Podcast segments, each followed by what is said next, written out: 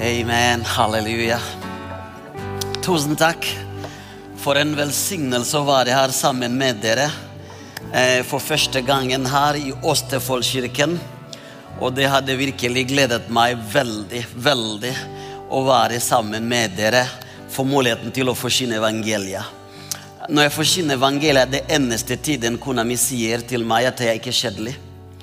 Um, men ellers andre steder så sier jeg mener du er kjedelig, Albert. Uh, du må virkelig slutte med det. Men når du forkynner evangeliet, så du blir ikke kjedelig, fordi da blir jeg skikkelig motivert og engasjert. Og så da blir andre saker, så da blir ikke samme personen i Jesu Kristi navn, fordi det må få Helligen lov til å gjøre det han vil gjøre. Eh, amen. Det var en stor glede å være her. Vet du hva? Det var en prest eh, som skulle ha begravelse av en kriminell. Og han eh, kriminell ble kjent i hele bygda at han var en som alle var redd av. Alle ville ikke ha noe å gjøre med. Eh, men plutselig skulle begraves, og, eh, og eh, det var litt spennende, fordi når vi skal begrave noen, vi må bare si det som er positive. Eh, så ingen våger å si det som er negative. Så tenkte kjære Gud, hva skal jeg virkelig snakke positive om den kriminell som alle var redd av, som ingen vil ha noe å gjøre med? Og så tenkte han ok, jeg må finne noe her fram. Og så, og så sa han sånn sa, Ja, den mannen som virkelig skal begraves her i dag, er en meget begavet mann. En meget spesielt mann. Og det er en mann som hadde en gave som andre ikke har. Fordi når alle andre sov, han var våknet. Og det var virkelig noe, så Han var opptatt med å finne fram det som var positive, ikke det som var negative.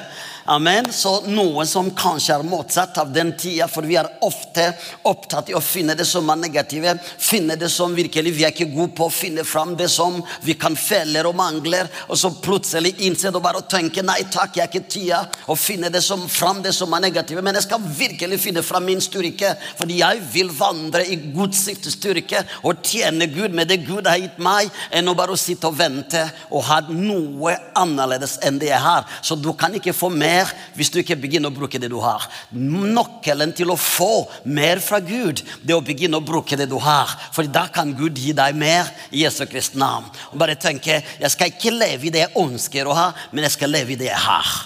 Og så gjøre det Gud har kalt meg til. Og det var det jeg vil bare gjerne si. Det er ikke alltid vi vet hva vi har, eh, men den som kommer utenfra, ser hva dere har. Så jeg måtte til Erik og så tenkte jeg wow. Eh, så det første inntrykket var ok, skal jeg virkelig klare meg å kose meg. Jeg var på Oslo S og så ventet på han med en kopp kaffe. For du vet, i Norge skal vi kose oss, vi må ha en kopp kaffe. Det er ikke ofte de sier la oss sitte ned og ta en kopp te og kose oss. Har du hørt om det? Hva sier de alltid? Ja, vi må ta en kopp kaffe og kose oss. Så alt som relateres til kos, det går til kaffe.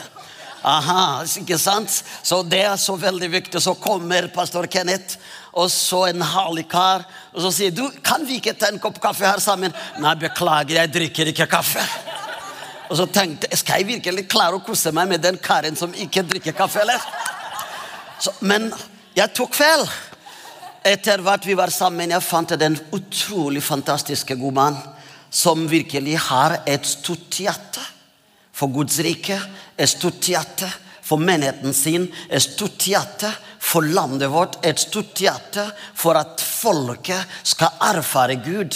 Et hjerte som er Det skal virkelig skje med oss. Vi skal se at det går fremover i Jesu Kristi navn. En mann som er opptatt av å se at alle loftes opp, og alle finner sin plass. Slik at det skal ikke bare vekkelse her på, på, virkelig på området, men hele landet.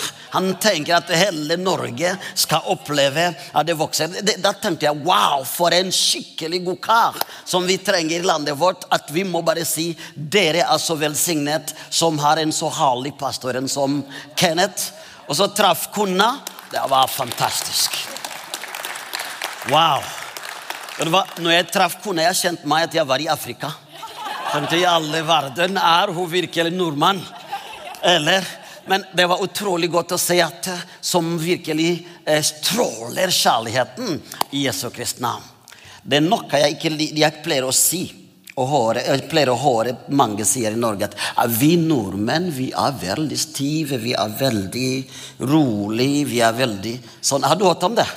Vi er ikke virkelig sånn utadvendt, vi er ikke sånn veldig. Men vi er bare, ja, vi er veldig forsiktige og veldig rolige. Men da kan jeg bare illustrere det med, med, med to eksempler. Har du sett nordmenn på fotball? Er de stive, da? De er ikke stive. Så plutselig stivhet går borte når de er på fotball. Er virkelig nordmenn under alkohol stiv? De blir ikke stive. De blir bare wow, det blir liv. Halleluja. Du bare ser ok, er det virkelig dem stiv lenge? Nei takk. Men vi er stive nå. Vi er i menigheten der Helligånd er. Er det sant, da? Jeg må bare tenke, Vi må være oss sjøl. For da tenker vi må være høytidelig. Det må være høytidsmåte. vet du hva? Det Høytidsmåte det er ikke å ha masken på, men høytidsmåte det er å bli deg sjøl og la Helligånd virke gjennom deg. Og bare tenke Gud, her er jeg. Virkelig overføre din kraft i meg. La din Helligånd virke gjennom meg. La din Helligånd berøre meg, og så berøre andre mennesker rundt meg. For vi kommer ikke på en måte for å være skuespiller skuespiller så bare som at det er bare å se på. Men vi kommer på en måte for at vi alle sammen skal være med og dra ned himmelen. Fordi vi må ta et oppgjør med religion, men vi må begynne virkelig å ha virkelig, halleluja, det, det, det, det, har relasjon med Jesus. Der kraften av den levende helgen kommer. Og det er det vi trenger tilbake i menigheten. Vi må ha tilbake kraften, for det er kraften som skal få at vi kan leve Jesus i fullhet. Amen. Da kan vi oppleve Jesus. Jeg tror før jeg går videre, Kan ikke dere gi deres pastorpar en stor applaus? Dere har virkelig Amen. Dere er verdens beste pastorpar. Det kan virkelig dere si. Jeg pleier alltid å si vi skal ikke vente at noen skal begraves for å sette pris på, den, på noen. Det pleier jeg alltid å si overalt jeg går. Jeg sier det er bedre å sette pris mens noen lever. Amen. Det nytter ikke å komme med dyre blomster over kisten min når jeg skal begraves. Jeg ser ikke det, men det nytter å komme med lille blomster til meg mens jeg lever. Er vi sammen der? Yes, Og det er der vi trenger virkelig å komme. vet du hva? Når menigheten begynner å bygge en kultur om å sette pris på hverandre, heie på hverandre, løfte opp hverandre Halleluja. Ikke bli opptatt med den og den gjør feil, men være opptatt med den og den gjør riktig, slik at vi kan alle sammen løfte alle sammen. Fordi i menighetssammenhengen ingen vinner alene. Vi enten vinner sammen eller tapper sammen. Og bare tenke vi skal alle sammen reise oss og bevege oss mot felles mål. Halleluja. Og det er det Gud har kalt oss. Vi har ingen å tape, men vi har alle å vinne. Ingen skal være på side, men vi skal alle sammen mot felles mål.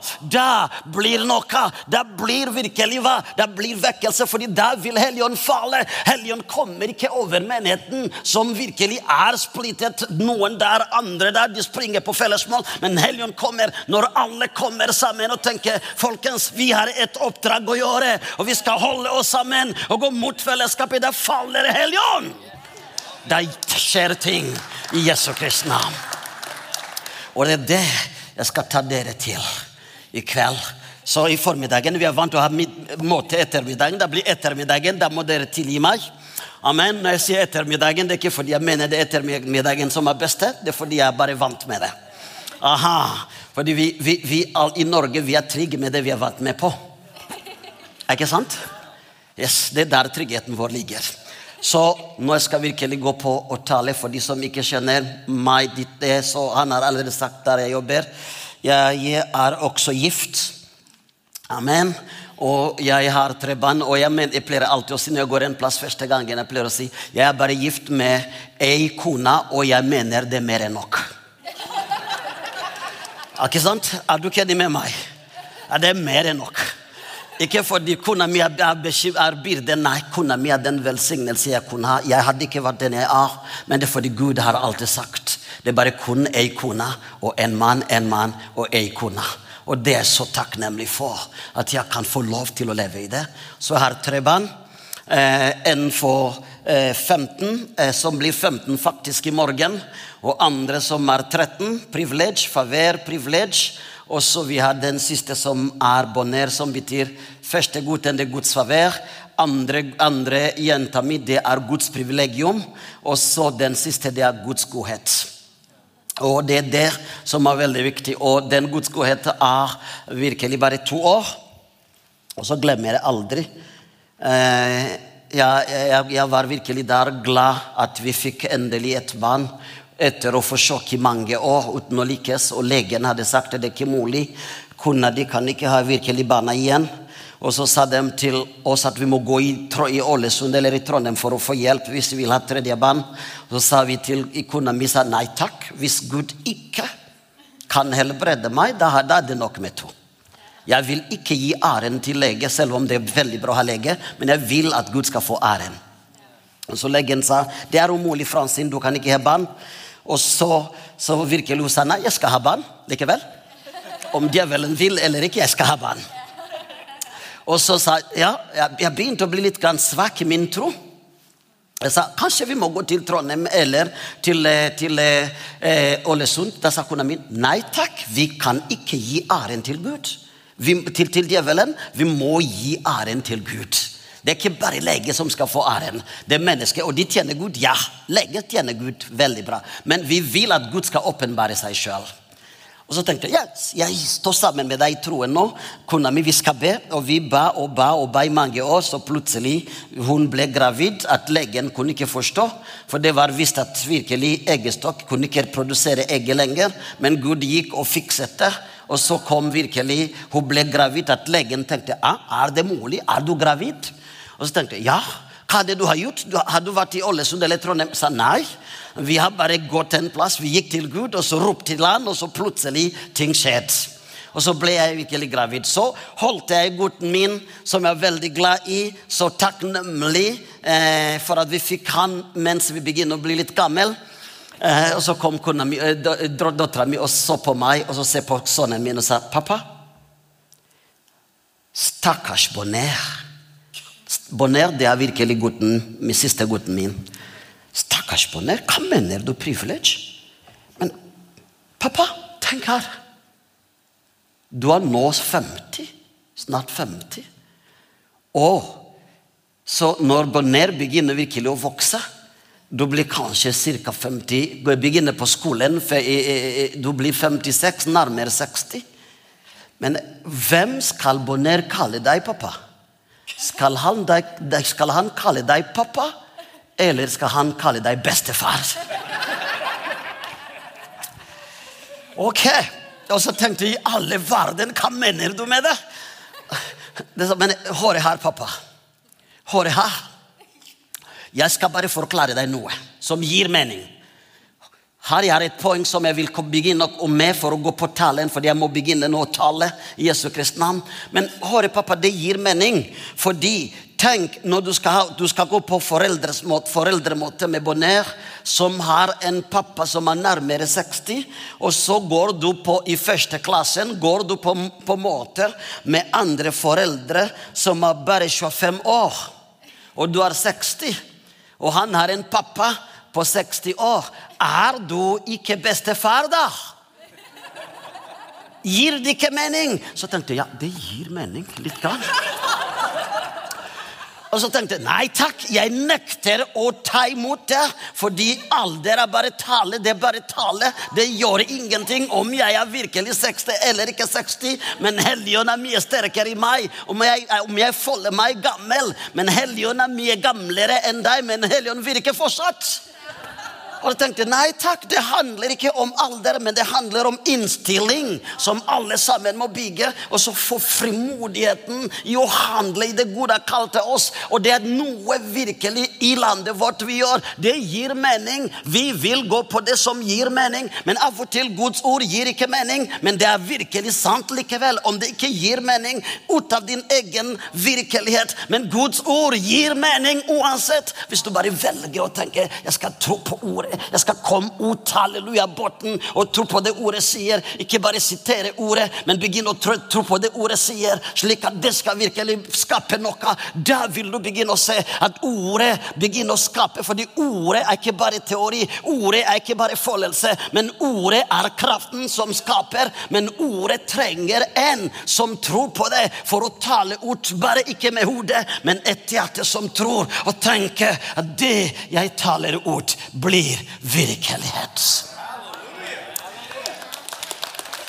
Da skal vi begynne at ting skjer. Hvorfor jeg tok Jeg visste ikke hvorfor Gud ga meg det ordet jeg skal preke her. Det, jeg skal være veldig utfordrende her. Amen. Halleluja. Håper jeg får lov til å komme tilbake. Hvis ikke jeg får lov, det går greit. For en, en, en ting da blir invitert, en ting da blir invitert en gang til. Amen. Men jeg skal skjære gjennom det Gud har lagt på hjertet mitt. Jeg visste ikke hvorfor jeg fikk det budskapet, men det er på tiden at vi skal begynne å være med og skape noe. Og derfor, det jeg skal preke om her i dag, det er noe som er så viktig på en måte. Fordi Gud vil gjøre noe med den kirken, med dette området. Gud holder og reiser menigheten rundt omkring. Apostoliske menigheter som skal virkelig være apostolisk senter. Der de skal virkelig være med å være søyler for vekkelse. Og da må det reises rundt omkring i dette landet menigheter som skal være som søyler for den vekkelse som kommer. Fordi vekkelse kommer, folkens. Om djevelen vil eller ikke, vekkelse kommer. Takk og lov, fordi vi vet at vi er en Gud som spår ikke lov djevelen for å gjøre noe, men når han vil gjøre noe, han gjør det. Og han er på vei å gjøre noe nytt over dette landet. Og det er derfor Gud reiser søyler rundt omkring. Halleluja. Åndelig pilar lærer som skal være med å bære den vekkelse. Og det menigheten, når du kan kjenne i ånden, den menigheten som bærer virkelig navnet sjøl i seg sjøl, har stor betydning i ånden. Det er et navn som indikerer veldig mye i ånden. Dere bærer et navn som er mye mer enn det dere ser og opplever her nå. Jesu Kristi navn, dere bærer et navn som inneholder en salvelse fra himmelen, som kommer kommer virkelig å skape gjennombrudd over mange mennesker, slik at det skal bli mange mennesker som skal erfare Gud gjennom salvelse som Gud har lagt over denne menigheten. Men det er noe Gud vil at dere skal virkelig gjøre. Det er halleluja å ikke enten leve i fortiden eller i fremtiden, men leve i nåtiden. Fordi Gud er ikke i fortiden, og Gud er ikke i fremtiden, men Gud er i nåtiden. Men i nåtiden det ligger en nåde som gjør at du går mot din fremtid, som Gud har. Fordi når Gud kaller deg, han kaller ikke deg for å fortsette å være den som du har vært, men han kaller deg for å være den han gjør deg til å være. Det er noe der. Gud kaller ikke deg for å alltid være den du har vært. Men Gud kaller deg for å forandre deg og gjøre deg til å være den han gjorde deg til å være, slik at du kan begynne å vandre i salvelsen av Den hellige ånd, og så begynne å gjøre det Gud selv kan gjøre. Og det, det gjør det virkelig at du ikke blir frukten av omstendigheter, men du blir frukten av Guds kjærlighet og Guds lofter. At menigheten ikke blir frukten av omstendigheter. Du vet vi har gått gjennom det. Du vet vi har opplevd det. Du vet virkelig sånn. Du vet stakkars, stakkars oss. Nei takk. Guds menighet skal ikke være stakkars. Men Guds folk skal ikke være stakkars. Men Guds folk, halleluja, de bærer en kraft som forandrer omstendigheter. Slik at du skal ikke eies av dine omstendigheter, men du skal eie dine omstendigheter. Er vi sammen her? Du skal ikke eies av omstendigheter. Halleluja. Men du skal eie omstendighetene dine. Og Det er det Gud kaller dere. Og det er den reisen skal virkelig ta dere til. I Jesu Kristi navn. Halleluja. Hvorfor er det viktig? For de hører på meg, for vi leser. Fordi vi har et oppdrag å gjøre som menigheten. Og hva er virkelig oppdraget som vi har? Det oppdraget vi har, det er å forandre oss til folk. Det er å forandre landet vårt, det er å forandre verden til at virkelig vi kan påvirke verden med det vi har, enn at verden skal påvirke oss. Og det som skjer her nå, det er at verden søker å påvirke oss slik at vi blir lik verden. Og når du virkelig står for det du står for, du blir unormalt Og da blir mange mennesker som sier og jeg våger ikke å være unormalt. Jeg må være en ordentlig person som lever virkelig ordentlig. Og så plutselig, for å leve ordentlig, du må gå på kompromiss med din tro og gjøre ting som du skulle gjøre. Men da mister du virkelig kraften. Da blir salten som mister kraften. Men det kan være veldig bra å stå for det vi mener, men med visdommen og kjærlighet så påvirker vi verden. For vi er kalt til å påvirke Åstefoldet. Halleluja. Det er du nemlig som skal påvirke og forandre Åstefoldet. Det er ikke godt lenger. Han har gjort det virkelig klart for deg. Han har virkelig gitt deg autoriteten. Men du må vite jeg har et oppdrag. Vi skal forandre. Vi skal påvirke området her. Vi er påvirkere.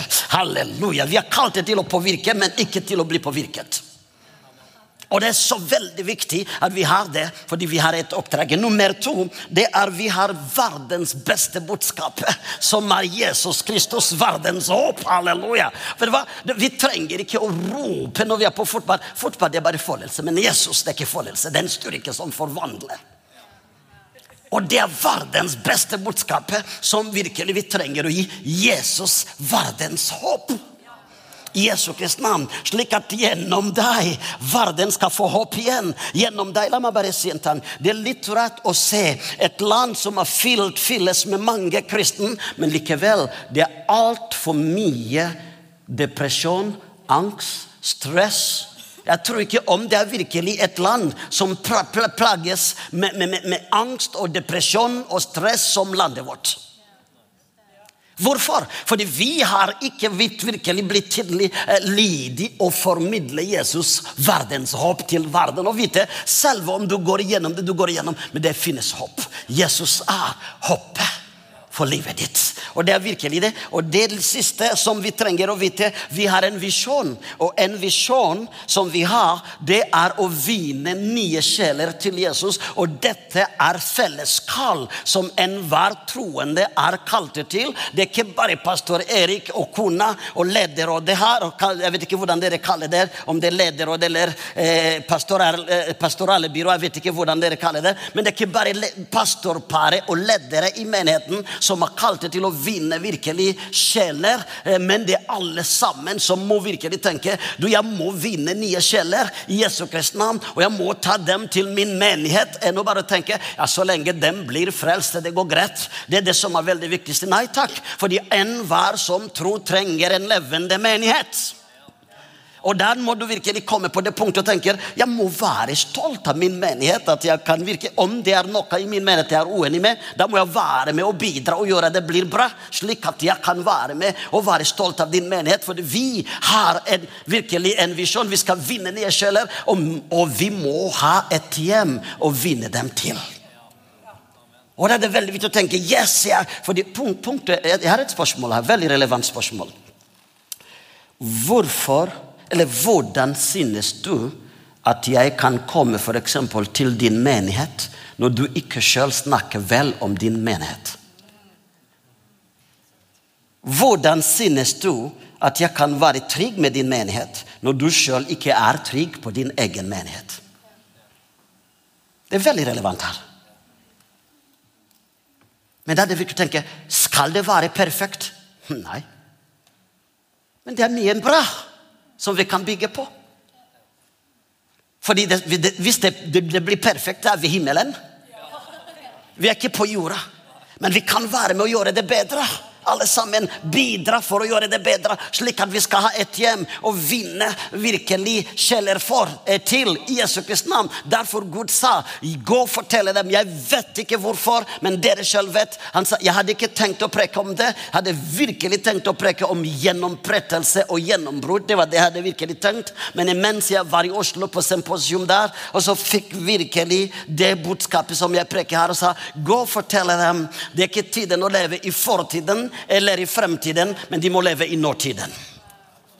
Fordi i min nåtiden, det er der min nåde ligger, for å dra dem til fremtiden, som er mye mer enn det virkelig dem tror på, dem ser. Fordi Gud vil bygge noe levende menigheter halleluja, rundt omkring. Og levende menigheter bygges med levende steiner. Og levende steiner det er ikke bare bygge her, det er deg og meg som skal være levende og leve med Jesus, enn å bare tenke det er så flott. Evangeliet handler ikke om at det er så flott godt. Det handler om at kraften skal åpenbares. Kraften skal være synlig. Vi må ta tilbake kraften til menigheten enn virkelig å se kraften på, på TV andre steder. Men vi vil ha kraften tilbake til menigheter rundt omkring i landet vårt i Jesu Kristi navn, slik at folket kan oppleve at evangeliet er ikke historie, men evangeliet er sannheten. Fordi nå evangeliet blitt som historie. Jeg bare leser om det. Jeg leser om Det ja, det står skrevet, men det, det, oppleves ikke sånn. Jeg har ikke opplevd sånn. vet du Ja, ja, Det står skrevet. Det er lettere å si det, men det er ikke enkelt å gjøre det. Ikke sant? Har du hørt vi? Det er sånn vi nordmenn vi bare lever. Ikke sant? Ja, Det er lettere det er lettere virkelig å, å si det, Albert, men det er ikke enkelt å leve i det. Ikke sant? Men la meg bare si til deg Gud vil ikke at du skal virkelig leve i det du lever som, som det er vanskelig, men han sier Kom, til, kom med det til meg. Kom med det til meg. Og våge å mase på meg som din pappa. For vi begynner, jeg vil, jeg vil, ha fire stykk som skal komme her. Vi skal lese. Jeg liker at folket skal lese, eh, lese slik at jeg går igjennom. Ikke dere sier ok, kanskje det var virkelig eh, det, det, hva, Stemmer det? Ja, det stemmer, for det står, står skrevet. Det handler ikke om det jeg føler, det handler ikke om det jeg ser, det handler om det Gud har sagt. Vet du hva? Problemet i landet vårt det er at vi har på en måte erstattet troen med følelse. Jeg føler sånn. Jeg, jeg føler det jeg føler. Jeg føler og føler og føler. Så plutselig det foldet, troen har blitt foldelse. Men hør på meg, foldelse er, er resultaten av hvordan du tolker dine omstendigheter. Hvordan du oppfatter dine omstendigheter. Så kommer foldelse. Foldelse relateres til omstendigheter og relateres til opplevelse, relateres til erfaringer. Men troen relateres til Guds løfter. Troen relateres til Guds ord, ikke omstendigheter, ikke, ikke erfaringer. Du vet virkelig plutselig folket sitter med på grunn av at jeg erfarte det. Så du lever i frykten på det som kan skje fremover. Men Gud sier, la meg bare si til deg, jeg er en Gud som kan forandre alt. La oss leve i troen, ikke i foldelse. Selv om det er herlig å ha foldelse, Det er godt med foldelse. Livet uten foldelse er mareritt. Men la ikke foldelse erstatte troen, fordi foldelse vil alltid alltid relateres til omstendigheter. Det dere har gått igjennom. Du vet, i, i, i 15 år siden vi opplevde sånn i menigheten. Du vet, Vi gikk gjennom det. du vet, Plutselig det blir bare foldelse. La meg bare si du må reise deg og ta troen i funksjon, slik at du kan virkelig sette grens, grenser på din virkelige omstendigheter. Fordi Gud vil ha denne menigheten videre. Gud vil at dere skal gå videre. Derfor det er så veldig viktig du skal leve i troen. Når jeg vil at fire stykk skal komme og lese. Ikke leve i fortiden eller fremtiden, og så leve i nåtiden. Kan fire stykk komme og lese, så vi går gjennom det? Fire stykk som kan lese himmelske språk som er norsk. Jeg må ha litt frihet. De som kjenner meg, liker frihet. Hvor er deres bibler? Yes. Amen. Og Bibelen, de som har Bibelen. Halleluja. Oi, oi, oi, oi. Amen. Ja, men dere kan få på telefon. Ok. Amen, amen. Jeg, jeg, liker, jeg liker alt å ha virkelig Jeg er gammel, gammeldags predikant som liker alt å ha virkelig Bibelen. Og papir, ikke iPad. Selv om iPad er veldig bra og godt. Men jeg liker det. Det er litt kontroll. Kan du ikke lese Johannes, ja, pastoren vår, du leser Johannes 11? 21 til 26. Mm -hmm. Yes. Og så du leser Filippe, eh, Filippe-brevet 4, 6 til 7. Ja. ja. Og du skal lese Joshua, Joshuas bok 1, 9. Yes og ja. Mm -hmm. Yes, og han skal lese 1. Johannes 5, 4 Eh, eh, kapittel 5, vers 4-5. Og så skal jeg gå gjennom det fort. Johannes, Johannes 11, 21 til 26. Så skal jeg ta dere til en reise her. Johannes 11, mm. 21. Wow. Martha sa da til Jesus, 'Herre, hadde du vært her, da var min bror ikke død.' Mm. Men også nå vet jeg at alt det du ber Gud om, vil Gud gi deg. Jesus sier til henne, 'Din bror skal oppstå'. Martha sier til ham, 'Jeg vet at han skal oppstå i oppstandelsen på den siste dagen'. Jesus sa til henne, 'Jeg er oppstandelsen og livet'. Den som tror på meg, skal leve selv om han dør. Oh, halleluja. Og hver den som lever og tror på meg, skal leve i evigheten. Nei, skal aldri i evigheten dø. Tror du dette? Ja. Hun sier til ham, 'Ja, Herre, jeg tror at du er Messias, Guds sønn, han som skal komme til verden'. Yes. Wow. Amen. Veldig bra. Leser vi dere? Filipperne 4, 6 til Yes. Se 4, 6 til 7. Okay. ok. Ja. Vær ikke bekymret for noe, men legg alt dere har på hjertet framfor Wow. Gud. Amen. Be og kall på ham med takk. Yes, yes, yes. yes. Ok. Ja? Ja, han kan begynne å lese, da. Ja. Josua 1,9. Yes. Vet du hva? Det var til og med strek.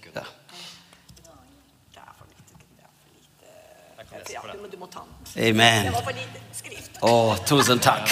Men takk for ditt hjerte, i hvert fall. Veldig bra. Amen. Vi må gi en applaus. Ja, veldig bra. Josva 1,9.: jeg har jeg ikke befalt deg, vær frimodig og sterk, frykt ikke, og vær ikke redd, for Herren din Gud skal være med deg i alt det du tar deg fore. Amen. Wow. Yes. Så Først, Johannes 5. Yes, fire til fem. fire. For alt det som er født av Gud, seirer over verden.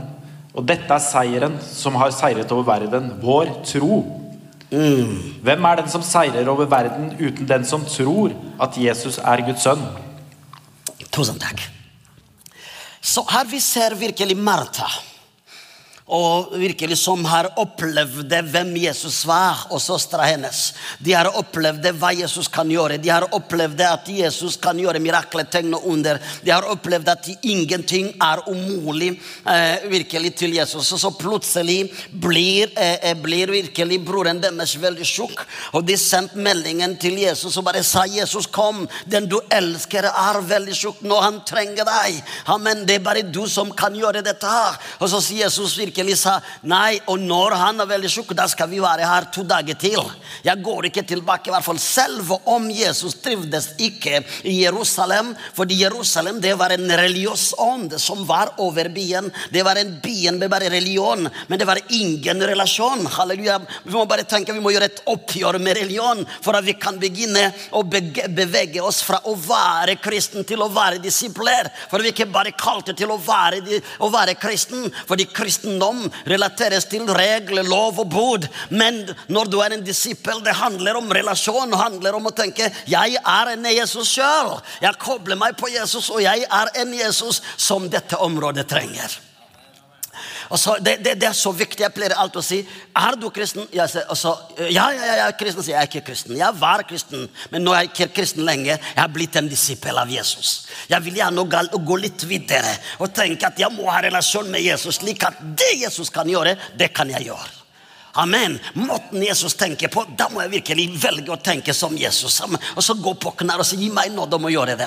I Jesu Kristi navn. Selv om Jesus var ikke den som trivdes veldig uh, i Jerusalem pga. religion, ånden som var der, men den gangen bare sa da blir vi her. I stedet da skal vi gå i Judea igjen, slik at vi blir veldig sendt, slik at noe skulle virkelig skje. Så Jesus kom ikke, og så kom etter virkelig uh, de, de, de mange dager at, at Lasarus var død. Og så kommer ut eh, Martha og sier hadde du vært her, min bror hadde ikke virkelig dødd. Hadde du vært her, min bror hadde ikke dødd. Og så sier hun etterpå, når Jesus sier men det er oppstandelsen, og livet er alt i Jesu Kristi navn. Ja, men ja, han skal virkelig, broren din skal reise igjen. Men ja, jeg vet han skal reise seg i virkelig siste dagen, i oppstandelsen dagen. Hva det vil si her. Martha var i fortiden, og hun var i fremtiden. Mens Jesus var i nåtiden. Han sa 'Jeg er'. Det er ikke virkelig det som var, det er ikke som skal, men det er det som er, som får deg til det som skal virkelig komme, slik at du kan få en styrke til å gå mot fremtiden. For det som ligger deg, er mye bedre enn det du ser her, er mye bedre enn det som var. Ja, selvfølgelig, det var tungt, men jeg vil gi deg en i begynnelsen. Jeg vil gjøre noe nytt. Du må virkelig se. Se, jeg gjør noe nytt. Men da må du virkelig gå fra fortiden til nåtiden, slik at virkelig vi kan bevege oss sammen. Du kan få mot og glede, du kan få motivasjon. Du kan bare tenke yeah, dette er noe skal være en del av. Halleluja, dette er noe vi skal gjøre. Vi går til seier. Amen. Og så sier vi ok, hvordan er deres menigheten? Å, det er ikke en liten menighet. Vi er en stor menighet. Halleluja. Hvorfor? Vi tror på det som kommer fremover. For vi har ingenting å gjøre med det som var. For det kan hende det som var, var bra, men det som kommer, er mye bedre enn det som var.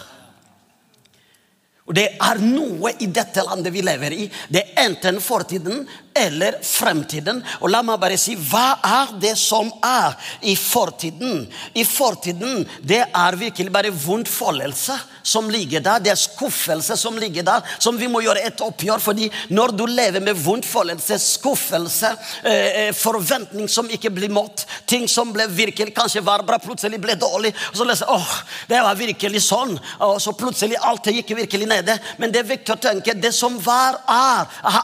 Er vært. Det kan ikke virke de på, fortsette å påvirke deg. Det er fortiden som vi må gjøre til å, for, å være fortiden, for vi kan begynne å leve i nåtiden og bevege oss mot det som ligger foran oss. Fordi Gud har en god fremtid for dette området, for med denne menigheten. Men han sier, se ikke bak, for hvis du kjører bilen ved å se bak, du krasjer. Er ikke sant?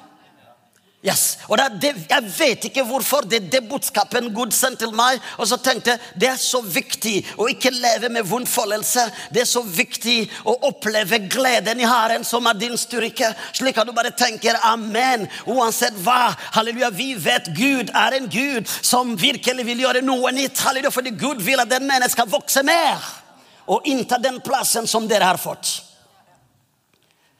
Men det er viktig å tenke jeg skal ikke leve i fortiden som Martha. At han klarte ikke, Hun klarte ikke å se på Jesus. Hun klarte ikke å si at alt er mulig med Jesus. Det ble som disipler som egentlig så, Jesus gående på vannet. ikke sant? De har vært med Jesus, de har levd med Jesus, de har sovet sammen med Jesus. Men de så Jesus gå gående på vannet. I å se Jesus, de så et spøkelse. Men det var Jesus, de har vært med Jesus hele livet. De har virkelig sett Jesus gjøre mirakler, tegn og under, gjøre det umulig til å være mulig. Så ser Jesus gående på, måte, på vannet og sier 'Å, et spøkelse som kommer'. Så det vil si på andre måter de trodde mer på spøkelse enn på hva Jesus kan gjøre. Ja, Spøkelse kan gå på vannet, men ikke Jesus. Og det er det med andre ord det virkelig sagt. at Vi kan virkelig, Djevelen kan gjøre mye vanskelig, vi er mye tung, men ikke Jesus. La meg bare si hvis virkelig djevelen kan gjøre noe, da kan i hvert fall gjøre Jesus mye bedre. Og det er viktig å tro på det. Min Jesus kan gjøre mye bedre. Han kan forandre omstendigheter. Han kan styrke meg. Han kan bruke meg. Han kan gjøre mirakletegn og under gjennom meg. At vi ikke bare leser mirakletegn og under bare i Bibelen, men at det begynner å bli virkelighet i menigheten. Hvor folket ser at folket blir berørt av den himmelske kraft. Fordi Guds kraft er ikke for pynt, men Guds kraft er for å brukes. Er vi sammen her? Men hva som bor i fremtiden, da? Ja, for det nærmer seg. Jeg må virkelig holde meg i tiden. Jesu Kristi navn. Hva er det som lever i fremtiden? I fremtiden det ligger mye bekymringer. Fordi du skaper en fremtiden som er bildet av din fortiden av din erfaringer og opplevelse, så prøver jeg virkelig å skape en, en fremtid som egentlig ikke relateres med Guds vilje, men som relateres med det du har gått igjennom, som er menneskelig orientert. Enn å bare tenke det som er menneskelig orientert, det har ingenting med Guds kraft å gjøre, men det må virkelig Gud sjøl være i bildet og tenke jeg skal ikke bygge min fremtid ved å tenke det jeg gikk gjennom, men jeg skal bygge min fremtid ved å tenke Guds loft løfter og bare tenke Guds løfter svikter ikke. Og Guds løfter er for oss. Guds løfter er for oss til folket. Guds folke virkelig er for Moss. Det, det Mose, ikke sant? Guds virkelige løfte er ikke bare for Israel, er ikke bare eh, for de og de og de, men det er for også Moss, slik at folket skal oppleve virkelig Guds kraft. Guds løfte er for Norge. I Jesu Kristi navn at vi begynner virkelig å bygge en fremtiden som ikke er resultat av omstendigheter av det vi går gjennom, men en resultat av hva? Av virkelig hva Guds løfter, hvor vi går og forteller djevelen at ja, la meg overraske deg, djevelen. Jeg er ikke den jeg var. Jeg er den Gud har gjort meg til å være, og mine erfaringer kan ikke definere meg, kan bare påvirke meg, men da vil Helligånd komme og berøre virkelig det jeg har gått igjennom. Fordi din omstendigheter skal ikke definere deg, men det skal påvirke deg. Men da kan du også holde på andre hånden og reise seg i ånden og tenke jeg nekter. Jeg skal ikke bli definert med mine omstendigheter, for jeg er definert med Guds kjærlighet. Det påvirker meg, ja. Men likevel, det er en mulighet for Helligånden å gjøre noe i mitt liv. Min omstendigheter er Guds mulighet til å gjøre noe over livet mitt. Og da er det viktig å tenke Jesu Kristi navn. Jeg skal ikke bli definert av det. Jeg skal ikke bli definert av det, Men jeg er definert av Guds, og så går til Guds kjærlighet, og så går til djevelen. Av og til vi må ikke snakke til våre problemer, men vi må snakke til kilden av våre problemer. Vi må gå tilbake til djevelen og si Hør her, djevelen, sitt ned. Kjeft. Hold kjeft, sittende, så du skal ikke fortelle meg at jeg er frukten av omstendigheter. Nei takk, jeg er ikke frukten av mine omstendigheter, jeg er frukten av kjærlighet. Menigheten min er ikke frukten av omstendigheter og erfaringer, men menigheten min er frukten av Guds løfte. Halleluja! Og det er det vi skal gå for. Det er da vi tar autoriteten vår, folkens. Vi har noe med oss, men vi går av og til og leter noe Gud har allerede gitt oss. Jeg har gjort mange dumme i mitt liv. ting i mitt liv. Men det dummeste jeg har gjort, det er å gå og lete på telefonen min mens jeg snakker. Jeg brukte 45 minutter og så lete etter telefonen min mens jeg holder og snakker på telefonen. Det glemmer jeg aldri. Og så tenker jeg virkelig hva er dette for noe? Nei, jeg går rundt og sier jeg leter, jeg leter, jeg leter. Men det, det, det, det går ikke an. Åh, til slutt jeg begynte å bli frustrert på meg sjøl. Hvor er telefonen min? Hvor er telefonen min? Mens jeg snakker på telefon med noen. Og så kommer dattera mi. Så pappa, hva er det du leter etter? Ah, Privilege, gi meg fred. Du vet, Når du er stresset av og til, du mister deg sjøl. Er vi sammen? Hør på meg. Når du lar deg bli definert av omstendigheter, du blir koblet på dine svakheter enn å bli koblet på din styrke. Og når du er koblet på dine svakheter, du vil ikke klare å gå med Gud. Du vil ikke klare å gjøre det Gud vil, fordi når Gud kommer og gir deg et ord, du må komme med en hilsen til den. Hva om hvis det ikke stemmer? Nei takk, jeg, jeg, jeg, jeg, orker ikke, jeg kan ikke gjøre det. Hva om det ikke stemmer? ikke sant? Fordi frykten kommer. Du blir redd av mennesker. Og hvis vi skal være troende som er redd av mennesker, hvordan skal vi virkelig få dem å komme til Jesus? Hvordan skal vi vinne dem for Jesus når vi er utrygge sjøl? Vi må være tryggere på det vi har. Vi må være tryggere på vår Jesus, på vår tro. Og så kan vi formidle det, fordi Gud vil at den mennesket skal vokse. Men det er at alle sammen skal reise seg og begynne å gå ut på vannet. Fordi Gud vil bruke alle. Fordi dere har det. Så dattera mi sa til meg pappa, men kan du, ikke, kan du, ikke, virkelig på en måte få meg til å hjelpe deg? Nei, privilege, jeg kan ikke gjøre det fordi jeg var stresset. Så please, gi meg fred. privilege. Jeg, jeg, vil ikke virkelig miste min tid. Jeg må lete det jeg leter etter. Så på tredje gang hun kom og sa Men pappa, er ikke jeg dattera di? Det stykket i hjertet mitt. Oh, oi, kan ikke jeg få lov å hjelpe deg? Ja, ja, du er dattera mi. Hjelpe meg. Det samme vi avviser Guds hjelp. Fordi kanskje Gud gjør ikke det på vår måte. Og så blir virkelig at vi avviser ham. Og så sier han kan ikke få lov til å bruke deg? Er ikke jeg din pappa? Kan ikke jeg få lov til å velsigne deg og gjøre noe?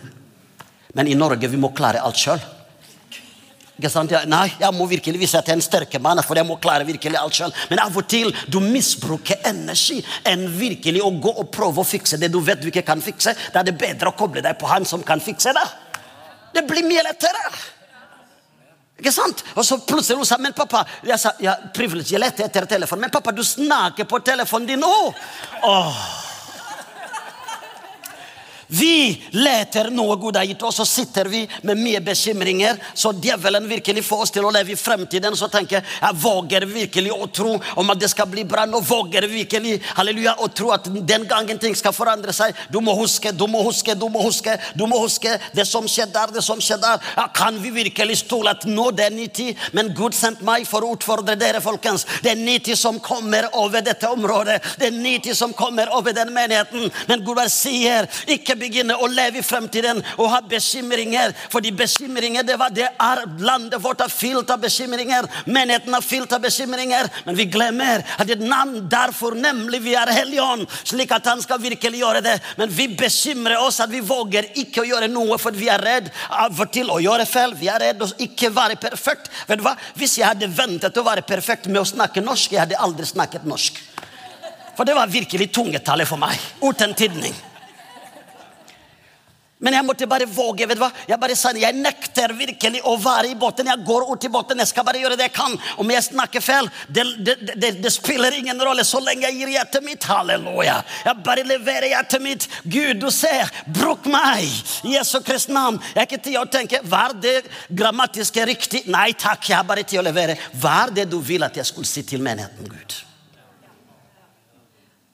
Og da får jeg frihet i å gjøre det Gud vil gjøre gjennom meg. Men hva som skjer her? Vi blir så bekymret. Hvorfor? Og der kan jeg beskrive dette her. Vi kan ikke, vi må leve i nåtiden. Når Gud sier 'reise dere alle sammen', bak pastorparet deres Han har ikke betalt til meg for det, men Gud har sagt det virkelig. At det er så veldig viktig at de skal reise seg. For denne, den menigheten bærer et navn som har virkelig en åndelig potensial, som skal virkelig få det det mange sjeler til Guds rike. Den menigheten, den menigheten Gud har tenkt å gjøre noe med og gjøre noe gjennom i Jesu Kristi navn. Den menigheten, den menighet som Gud vil gjennomprøte alt som djevelen tror at han har tatt fra, kommer tilbake. Jesu Kristi men sier det er på tiden. at De må ikke leve i fortiden, de må ikke leve i fremtiden, men de må leve i nåtiden. Fordi når vi lever i fremtiden, det er bare bekymringer. Og hver bekymring For jeg går mot avslutning. Bekymring, det er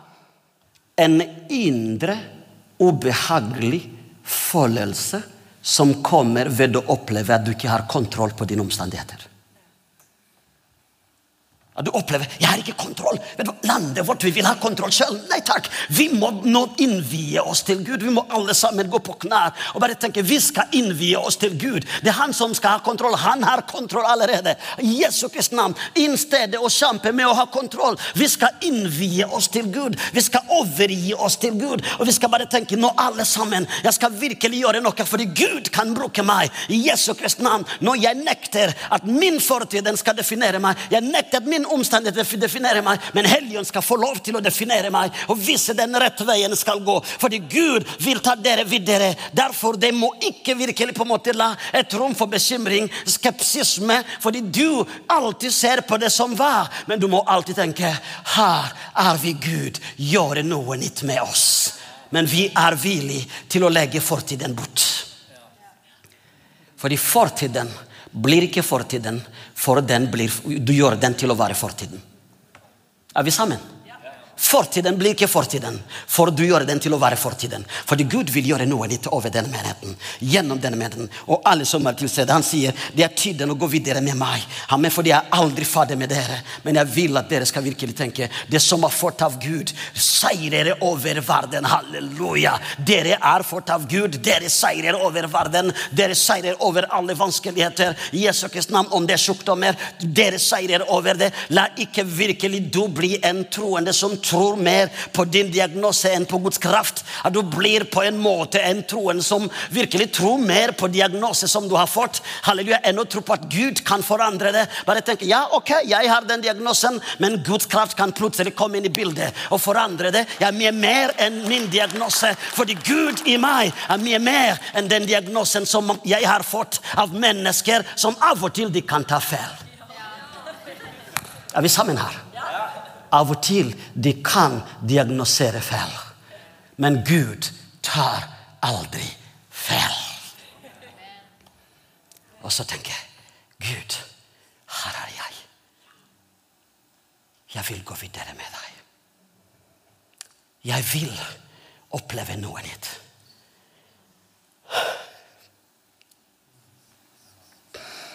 Helligånd gråter over mange mennesker som har gått mer på samme plass. For ikke si åndelig rundkjøring.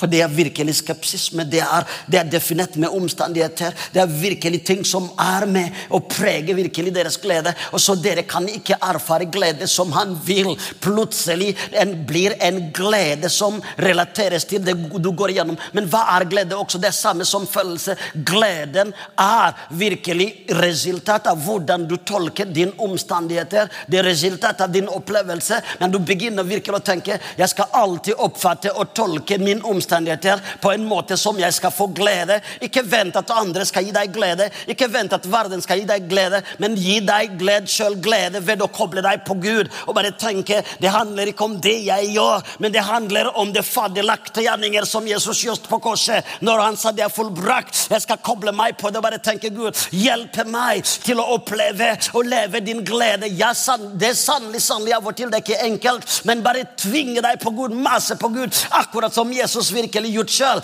Kan vi si at Jesus har ikke masset på Gud? Nei, han har masset på Gud. Lovsangstime, så bra. Kan vi si at Jesus ikke har masset på Gud? Hva gjort Jesus i Getsemane? Han gikk og ba mange ganger. Om det er mulig første gang, om det er mulig, la den kalken gå forbi meg. Fikk han svar? Han fikk ikke svar. Selv om han var Jesus. Men det er noe Jesus gjort. Han ga ikke opp. Han gikk en gang til. En gang til. Til slutt han kjent at Guds plan er at han skulle gå på korset for å frelse verden. Og da sa han, 'La din vilje skje, ikke min vilje'. Men han likevel maset på sin pappa, om det er mulig. La oss være virkelig troende, som ser ikke Gud som bare Gud som er på avstand men en Gud som er vår pappa, slik at vi kan gå til ham med alt vi går gjennom, og masse til ham og bare si 'Pappa, her er jeg. Gjør noe med meg.' Vi skal nå synge. Jeg skal be, be generelt og gi mikrofonen til pastor. Hvor mange av dere som sier 'Jeg vil leve i nåtiden'? Det er der Guds nåde ligger. Det betyr ikke at vi skal ikke plane frem, fremtiden, nei, nei, nei, men betyr at når vi lever i nåtiden veldig godt med Guds nåde, vi ser tydelig hva blir fremtiden. Han skal åpenbare det til oss, men sier nå jeg vil leve i nåtiden. Ikke fortiden, ikke fremtiden, men i nåtiden sammen med Jesus. For å gå mot det Jesus har for oss, sammen som en menighet. At vi går videre og vinner mennesker. Fordi menighetsvekst det er ikke noe bare lederen gjør sjøl. Dere hører overalt, sier Sion Molde vokser. Ja, vi vokser vokser virkelig kolossalt ved Guds nåde. Vi tar ikke æren for det. Vi vokser veldig mye av Guds nåde. Men det er ikke noe jeg gjør sjøl, men det er noe vi gjør sammen med hele menigheten. Sammen med alle ledere og hele menigheten. Vi sammen er med og jobber for at Guds rike skal vokse. For det handler ikke om virkelig noen få. Guds rike er veldig stort, og Guds rike skal vokse. Guds rike skal bære frukt. Og det er det Gud sier i dag. Er du villig nå å være med og skape frukten for Guds rike på dette området? Område, så du kan reise der du er. Uansett hva du har gått gjennom, om det er sykdommen, om det er vanskeligheter, om det er virkelig opplevelse som er veldig tungt, så du bare, du bare reiser der du er. For det skal bare bekjenne alt, og så skal virkelig gjøre sånn at, at når vi er ferdige, hvis du vil at jeg skal be for deg, så etter måte, da kan jeg virkelig be for de som vil bli bedt for. I Jesu Kristi navn. Og du som vil gå og kose seg med kaffe, amen, da må du gjøre det. Det er så godt å drikke kaffe. Kaffe er så godt. Amen. Så derfor vi kan ha virkelig fellesskap med hverandre. Amen. Men det blir også til pastor Kenneth. Jesu navn. Jesu navn. Så men du, hvis du føler jeg vil være med på det, kan du reise deg der du er. At jeg vil virkelig, Jesus, jeg vil gå videre med deg nå. Jeg vil ikke være i det som var. Jeg vil ikke være i det som kommer, i det som er, mot det som kommer sammen med deg. Fordi Gud vil bruke alle sammen. Dere sitter med masse, masse, masse gaver som skal komme ut i funksjon. Som skal virkelig være til velsignelse. Og når du velsigner andre, du blir velsignet sjøl. Kan vi synge en sang mens virkelig jeg skal gå på knær etter den sangen? Hvis du føler å løfte opp dine hender, du kan løfte opp dine hender med den sangen her. Og så skal jeg gå på knær og velsigne deg. Uansett hva, jeg lover deg, Gud skal ta kontroll over det. Og da må du bare tenke fortiden er fortiden nå. Jeg skal ikke se et spøkelse. Jeg skal begynne å se Jesus. Amen. Tusen takk for at du tuna inn og at du var sammen med oss på dette programmet. Vi håper det var til hjelp og til oppmuntring i din hverdag. Dersom du å ta kontakt med oss, kan du gjøre det via nettsida vår, østfoldkirken.no. Og vi setter veldig pris på å få tilbakemeldinger dersom det programmet her har vært oppmuntring for det eller til hjelp for det. Så setter vi stor pris på å høre det. Ha en velsigna uke.